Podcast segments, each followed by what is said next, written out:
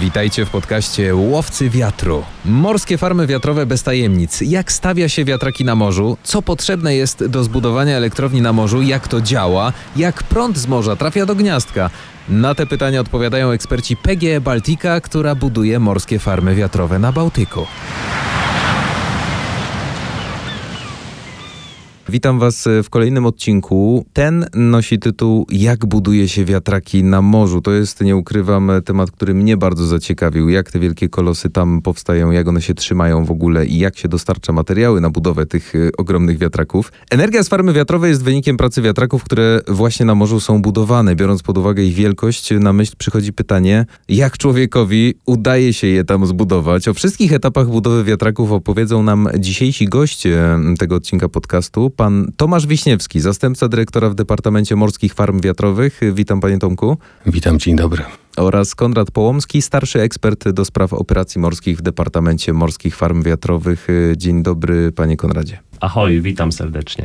Witamy panowie w pięknych okolicznościach, bo nagrywamy tutaj, że tak powiem, Kraków-Gdańsk. Już sobie tu pogadaliśmy przed nagraniem, że macie fantastyczny widok na Bałtyk, na statki, które można zobaczyć z okien. Natomiast my nie o statkach, a o wiatrakach, chociaż zapewne trochę o statkach się przewinie. Jak w ogóle powstają wiatraki na morzu? Tak krok po kroku, od y, pierwszego nawet powiedziałbym pomysłu do realizacji. Najpierw, e, jeśli chodzi o budowę takich inwestycji jak e, morskie farmy wiatrowe, to jest trochę tak jak z budową, budową domu. Należy to zaplanować, należy, e, należy je zaprojektować, uzyskać odpowiednie, odpowiednie pozwolenia. Potem wybrać wykonawców, zamówić komponenty i przystąpić do budowy. Więc budowa morskiej farmy wiatrowej jest e, procesem inwestycyjnym, takim jak budowa e, właściwie każdego innego przedsięwzięcia. To, co różni je od, e, od budowy domu, to jest oczywiście skala tej inwestycji. Dlaczego? Jednym z głównych powodów jest rozmiar elementów, które muszą zostać zainstalowane na, na morzu. Mówimy to tutaj przede wszystkim o fundamentach, które ważą do 2000 ton, o turbinach wiatrowych. E, tutaj też e, mówimy o setkach, czy nawet tysiącu, tysiącu ton w przypadku e, najnowszych maszyn.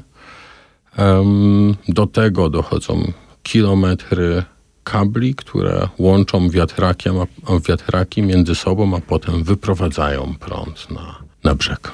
A co trzeba przygotować, zanim zacznie się budowa na morzu? Jak wygląda sytuacja na lądzie? Bo tutaj rozumiem, to wszystko powstaje i dopiero potem jest transportowane i stawiane.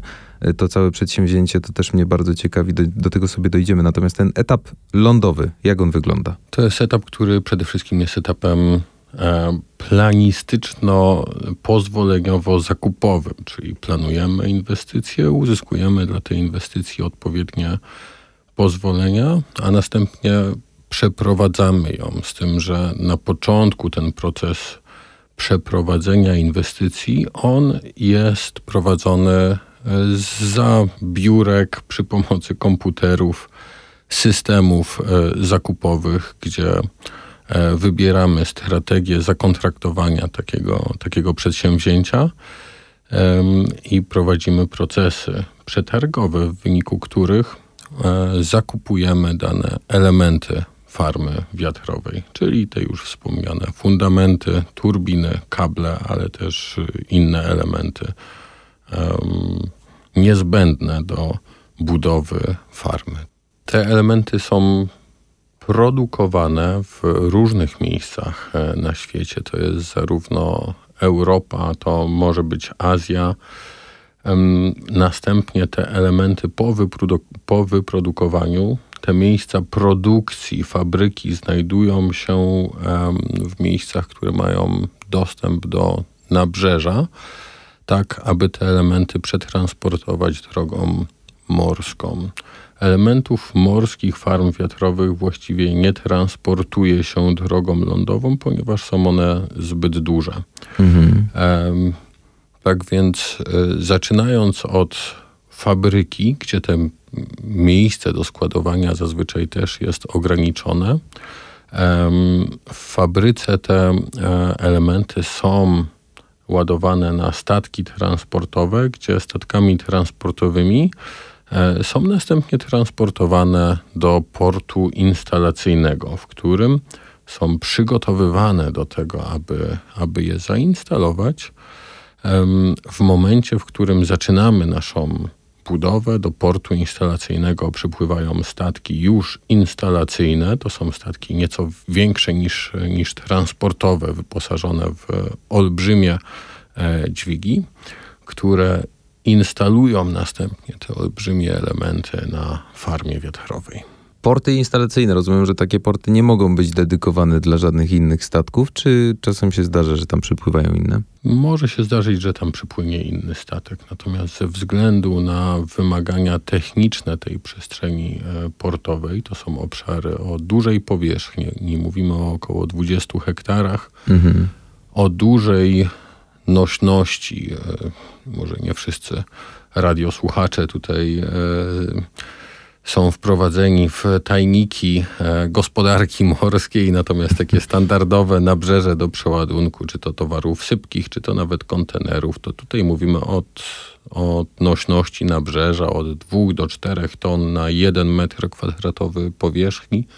W przypadku portów instalacyjnych ta nośność wzrasta do 20, 30, a może być nawet 50 e, ton na metr kwadratowy. Więc biorąc pod uwagę samą nośność nabrzeża, jest to raczej niewskazane, aby takiego Mercedesa wśród portów, czyli mm -hmm. port instalacyjny o naprawdę dobrych parametrach, wykorzystywać do przeładunku jakichś e, innych elementów, które nie wymagają aż tak dobrych parametrów technicznych. Jak słyszymy, co jest y, super ciekawe dla mnie na ten moment, mam nadzieję, że nie jestem sam w tym, to jest zabawa z dużymi klockami. Ja myślę, że panowie na co dzień w swojej pracy, można powiedzieć jako takie wtrącenie, spełniają trochę takie marzenia z dzieciństwa? Zgadza się na przykład, możemy sobie to bardzo dobrze zwiz zwizualizować. Dzisiaj nagrywamy ten podcast e, w biurowcu Olivia Star, który ma bodajże 180 metrów, a taka e, turbina na morzu e, do jej najwyższego punktu będzie miała 250 metrów, więc e, to jest super wizualizacja tego, jak te, są to wielkie e, budowle i jakie e, potrzebne są urządzenia, żeby je przetransportować i zainstalować i żeby E, spełniały wszystkie normy e, bezpieczeństwa. Szerzej o tych urządzeniach właśnie transportu na samo miejsce docelowe bardzo bym chciał z wami porozmawiać, panowie. Natomiast jak w ogóle wybiera się dogodną lokalizację dla takiej farmy wiatrowej? Nie pływa się na pontonie po morzu, y, ślini palec, wskazuje ku górze i o tutaj wieje, to tutaj budujemy. Rozumiem, że te procedury są bardzo, bardzo szerokie i to jest y, bardzo dużo rysunków, liczenia, wytycznych i przede wszystkim przepisów, jakimi musicie się kierować, prawda? E, zgadza się, no to nie jest takie proste, ponieważ e, lokalizacje, na których możemy e, posadowić wiatraki są z góry przyjęte na podstawie planu zagospodarowania przestrzennego morskich wód wewnętrznych, morza terytorialnego i wyłącznej strefy ekonomicznej. Dlatego my nie możemy sobie sami na podstawie powiedzmy badań wieczności wybrać miejsca, że w tym miejscu posadowimy farmę wiatrową, gdyż e, na przykład generowałaby ona najlepsze zyski, e, musimy się właśnie kierować przepisami danego e, kraju, w tym wypadku Polski. I tutaj możemy wrócić do tej analogii budowy domu jednorodzinnego, o której już wspominaliśmy. To trochę jest tak samo, że każdy chciałby mieć e, dom Znajdujemy się w Trójmieście, więc tutaj taką topową lokalizacją są chyba okolice Orłowa czy Sopotu. Każdy chciałby mieć dom, e, czy to w Gdyni, koło klifu, czy, czy, czy, czy piękny dom z widokiem na morze, jednakże no, trzeba swoje plany dostosować do e, planowania przestrzennego, do tego, co zostało wyznaczone przez e, ustawodawcę. I polskie morze też podlega planowaniu przestrzenne, przestrzennemu, więc tak samo inwestorzy chcący e, budować farmy muszą wybierać e, czy rywalizować o lokalizację, które zostały e, wskazane przez ustawodawcę jako miejsca, w których można budować morskie farmy wiatrowe. Natomiast te lokalizacje też różnią się swoimi parametrami, chociażby wietrzności e, i w zależności od tego to mogą być lokalizacje, które są bardziej lub nieco mniej dogodne do budowania na nich farm. Dodatkowo oprócz wieczności mamy jeszcze głębokość i odległość, bo im ta farma będzie bliżej lądu, tym e, koszty będą niższe, bo kable eksportowe, e, no i tak samo czas dostawy mm, komponentów na, na morskie farmy wiatrowe. No to panowie, skoro y, wiemy gdzie, znamy miejsce, jest po przetargu, są pozwolenia, na piśmie już mamy e, wszystko, y, to jak transportuje się do części wiatraków do miejsca docelowego? Jestem ciekaw, z czym wypływa pierwszy statek w ogóle. Pierwszy statek, y, można powiedzieć, że wypływa z fundamentem, który jest transportowany właśnie. Tutaj są e, różne mm, typy transportu tego, bo może e, ten fundament być przewieziony na typowym statku, który jest zaprojektowany do takich zadań. Może być e, przetransportowany na barce. A może być również przeholowany, gdzie holownik holuje taki fundament, który pod, ze względu na swoją wyporność, można powiedzieć, że płynie na wodzie. Mhm. Jest ciągnięty za takim statkiem. Ile takich statków musi w ogóle, nie wiem, odbyć kursów? Y, ile jest statków zaangażowanych w budowę jednego wiatraka? Tak, to jest pytanie laika totalne, ale próbuję sobie to wyobrazić, jak długo trwa budowa do zakończenia i tak naprawdę ile tych kursów trzeba zrobić.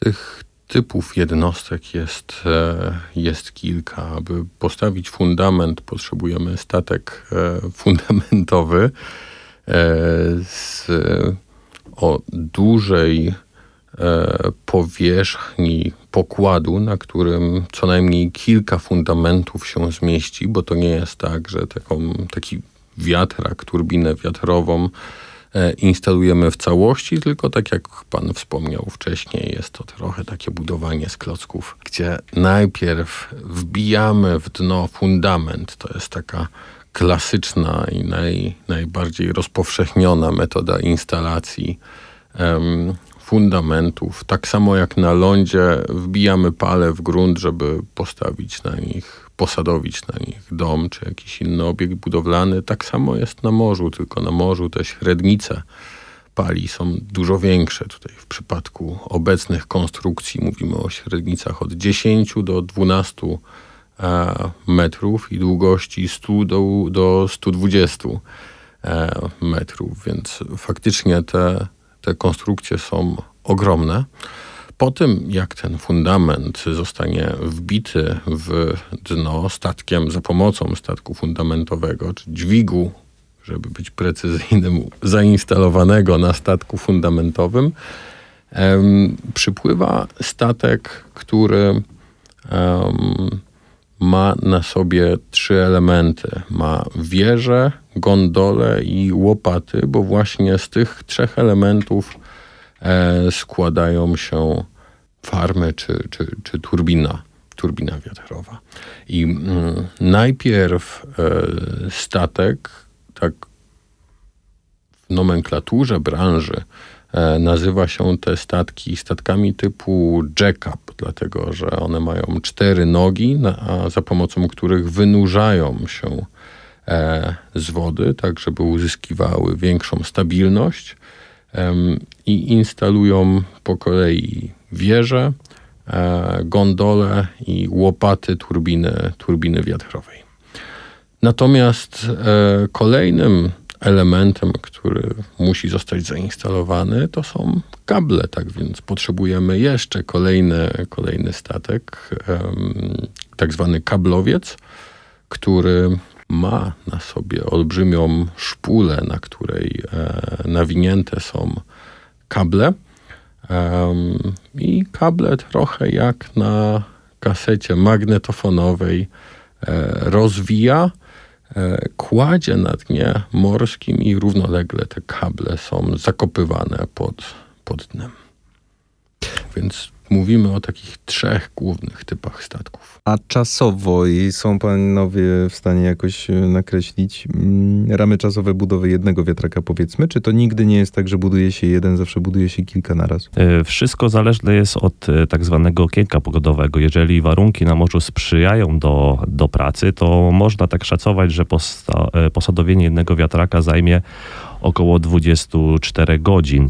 I te nowoczesne statki instalacyjne mogą powiedzmy zabrać na pokład e, sześć, sześć takich e, kompletnych, e, rozłożonych, ale kompletnych wiatraków, które, które będą instalowały i po zainstalowaniu tych sześciu setów wracają z powrotem do portu, załadować z powrotem kolejne sześć i wracają na morze, żeby kontynuować operację mm, instalowania turbiny wiatrowej na morzu.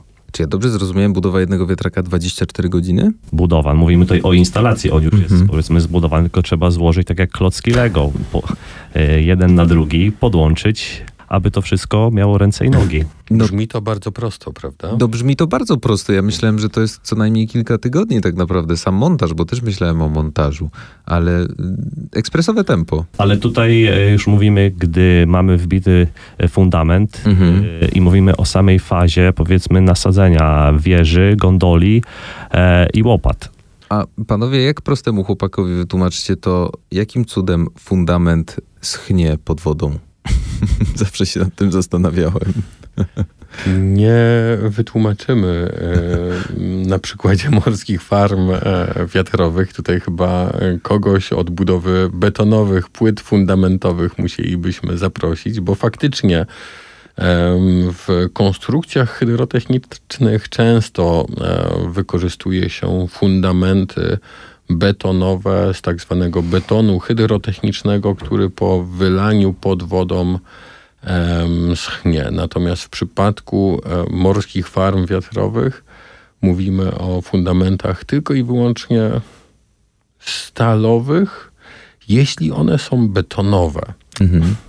Zdarzało się, że ins- instalowano w przeszłości fundamenty betonowe, raczej na początku rozwoju tej branży morskich farm wiatrowych, kiedy e, farmy były instalowane na niewielkich głębokościach. To były tak zwane gravity base e, structures, czyli fundamenty o działaniu e, grawitacyjnym, gdzie fundament betonowy najpierw wylewano e, w warunkach suchych na lądzie, a później transportowano e, za pomocą statków instalacyjnych na morze, gdzie je mm, zatapiano i odpowiednio pozycjonowano pod przyszłą instalację turbiny. Natomiast w związku z tym, że tych płytkich obszarów jest e, niewiele i większość z nich została już wykorzystana, to przeszliśmy do technologii, które można zastosować na większych głębokościach od 30 do 60 metrów. I ta technologia, o której już sobie tutaj powiedzieliśmy, technologia monopalowa, i tutaj mówimy o stalowej rurze. To jest ta słynna rura o średnicy 10 metrów, e, długości 100-120 metrów, która jest wbijana w dno morskie. Natomiast tutaj jest czysta stal, nie, nie stosujemy tutaj betonu. Natomiast jeśli chodzi o techniki fundamentowe, to być może warto jeszcze powiedzieć o fundamentach e, pływających. Konrad, ty tutaj jesteś specjalistą.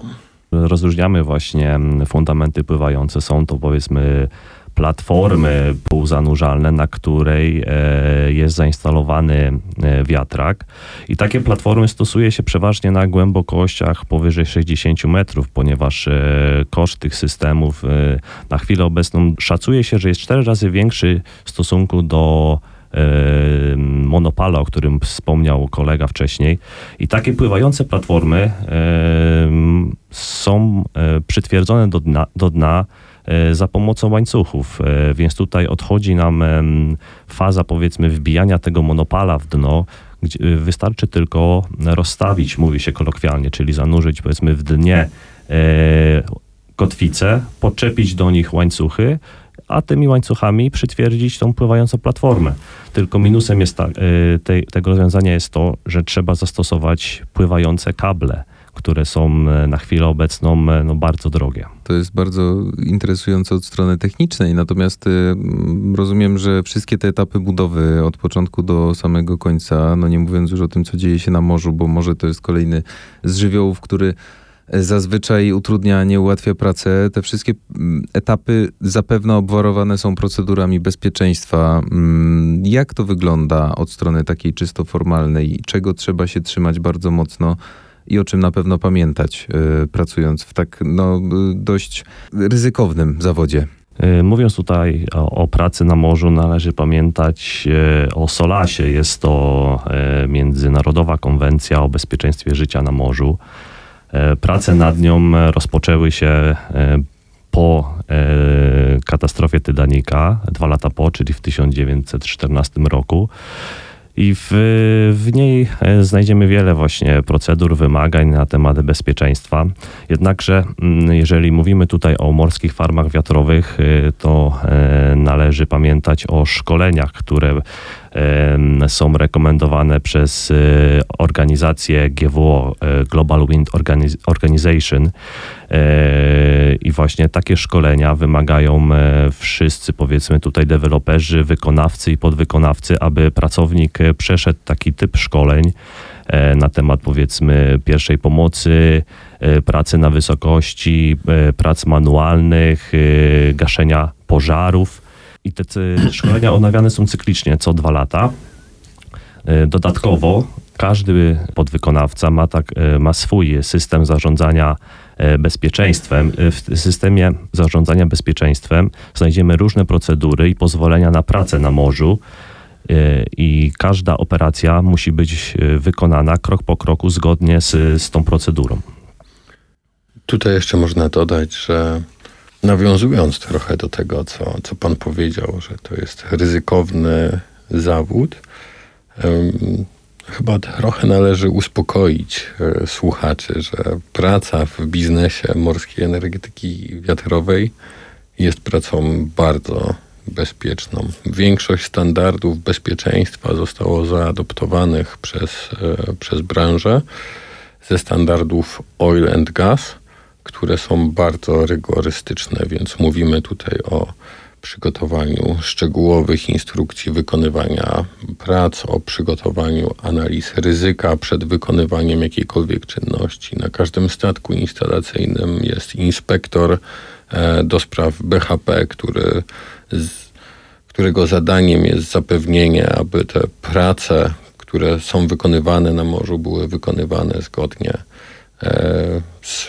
metodyką, e, z wiedzą techniczną i z odpowiednimi procedurami, więc tutaj to ryzyko dla pracowników fizycznie wykonujących pracę jest faktycznie minimalne i branża offshore wind jest jedną z najbezpieczniejszych e, branż, w których można pracować, takich branż związanych z budową. Myślę, że budowa apartamentowca czy hotelu na lądzie wiąże się z większym ryzykiem niż budowa morskiej farmy wiatrowej, właśnie ze względu na te standardy. To bardzo dobrze słyszeć, że to też informacja dla wszystkich, którzy rozglądają się być może za taką pracą, że mogą czuć się zaopiekowani, mogą czuć się bezpiecznie. Bezpieczeństwo to nie tylko praca, bezpieczeństwo to dbanie o sprzęt i jestem ciekaw, jak wygląda serwisowanie takich wiatraków. Czy one potrzebują y, opieki specjalisty dość często, czy po prostu z racji ustanowionych norm, przepisów i tak dalej trzeba je serwisować y, danego dnia? Danego dnia nie, natomiast ze względu na to, że mówimy o urządzeniach e, obrotowych, o urządzeniach, które pracują w ciężkim środowisku, bo środowisko morskie, działanie fal, działanie słonej wody, zasolone powietrze, to wszystko wpływa na żywotność elementów mechanicznych, które są częścią turbiny wiatrowej. W związku z tym praca e, morskich farm wiatrowych jest bardzo blisko monitorowana za pomocą systemów zdalnych z jednej strony, a z drugiej strony przez techników, którzy faktycznie em, muszą wsiąść na statek, popłynąć na daną turbinę i wykonać tam czynności, czy one są zaplanowane, czy odbywają się w ramach naprawy. Natomiast obecność człowieka jako serwisanta takiej turbiny wiatrowej nie została i długo jeszcze nie zostanie e, wyeliminowana. To nie są czynności, żeby jeszcze tak zobrazować, jak one są intensywne. To nie jest tak, że technik musi codziennie pojechać na turbinę wiatrową, żeby coś na niej sprawdzić. Natomiast te urządzenia podlegają e, cyklicznym przeglądom e, okresowym, mm, gdzie technik przyjeżdża na turbinę, przypływa na turbinę, e, wymienia olej, patrzy w jakim stanie jest przekładnia, jeśli jest zainstalowana na, na danej turbinie, wykonuje inne czynności serwisowe. Kolejna taka zaplanowana czynność może się wydarzyć na przykład w kolejnym roku, jeśli nic złego z turbiną w międzyczasie nie będzie się działo. A czy takich modeli wiatraków na rynku jest dużo? I być może też pytanie takie pomocnicze, z jakich modeli korzystamy my w Polsce, albo jakie lubimy, które się sprawdzają w naszych warunkach? Modeli wiatraków jest dosyć dużo. Ta branża też bardzo mocno się rozwinęła. Jak stawiane były w Danii w latach 90. XX wieku pierwsze turbiny, e, one miały najpierw chyba te pilotowe modele poniżej 1 MW, później ta, e, później one urosły do 2-3 MW. E, następnie weszły na rynek modele o mocy 6 do 8 MW i wtedy rynek mówił, no już więcej się, więcej się nie da. Po czym weszły na rynek modele 12, 14, 15 MW, które są dostępne teraz. Natomiast producenci turbin już wskazują na to, że e, myślą nad model, modelami większymi 17-18 megawatowymi. Natomiast te większe wiatraki wymagają jeszcze większych statków do instalacji.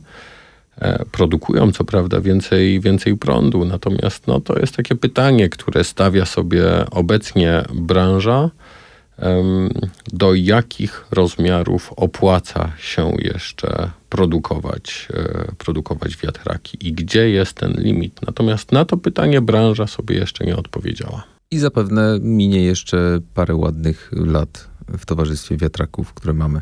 Powiem więcej, w towarzystwie wiatraków, których na razie nie mamy, bo te wiatraki, które teraz są zamawiane przez e, inwestorów. E, ich jeszcze fizycznie nie ma na mhm. morzu. One są na deskach kreślarskich u producentów, natomiast fizycznie na morzu pojawią się za dwa czy trzy lata. To jest taki model tego, tego biznesu, czy model funkcjonowania branży, w którym obecnie się znajdujemy, trochę e, powracając do naszej analogii mieszkaniowej, jak widać tych analogii jest, e, jest sporo. Czasami klienci kupują po prostu dziurę w ziemi, nie wiedząc e, do końca, co, co tam powstanie. Tak samo inwestorzy w morskie farmy wiatrowe kupują od producentów turbin maszyny, które jeszcze nie zostały wyprodukowane i nie zostały przetestowane w warunkach morskich, więc te testy dopiero przed nami. Ale tak samo w branży mieszkaniowej wiele e, niespodzianek dopiero może czekać po fakcie, czy nam sąsiad będzie zaglądał do śniadania na przykład, bo będzie tak blisko drugi, drugi blok. A jak jest z odległością wiatraków od siebie, e, to już tak dodatkowo zapytam z ciekawości, czy są jakieś przepisy, które mówią o tym, że musi być tyle, a tyle a nie może być na przykład za blisko? E, przepisów jako takich e, nie ma, no ale stosuje się powiedzmy wokół e, wiatraka taką strefę bezpieczeństwa na poziomie 500, 500 metrów. Mhm. Jednakże i tak planowanie farmy wiatrowej i tych odległości e, jest bardzo skomplikowanym procesem i tutaj analitycy analizują właśnie rozmieszczenie tych, e, tych turbin, e, żeby powiedzmy e, jedna turbina nie przeszkadzała drugiej w generowaniu e, prądu z wiatru. Nie bez przyczyny nasz cykl nazywa się Łowcy Wiatru. No, ma to związek z tym, że staramy się na tej przestrzeni, na której mamy pozwolenie na budowę, zebrać jak najwięcej tego wiatru, ale tutaj nie będziemy wchodzić w szczegóły, bo chyba planujemy na ten temat osobny odcinek, prawda? Tak jest, dokładnie. I wydaje mi się, że temat y, o budowie wiatraków y, na morzu został wyczerpany przez naszych dzisiejszych łowców. Pan Tomasz Wiśniewski, zastępca dyrektora w Departamencie Morskich Farm Wiatrowych i pan Konrad Połomski, starszy ekspert do spraw operacji morskich w Departamencie Morskich Farm Wiatrowych. Panowie, bardzo, bardzo dziękuję. Dziękujemy uprzejmie. Dziękujemy. Jak się żegnają łowcy wiatrów? Chyba, że sobie wymyślimy jakieś pożegnanie na poczekaniu. Chyba musimy wymyślić, bo w biurze żegnamy się do widzenia.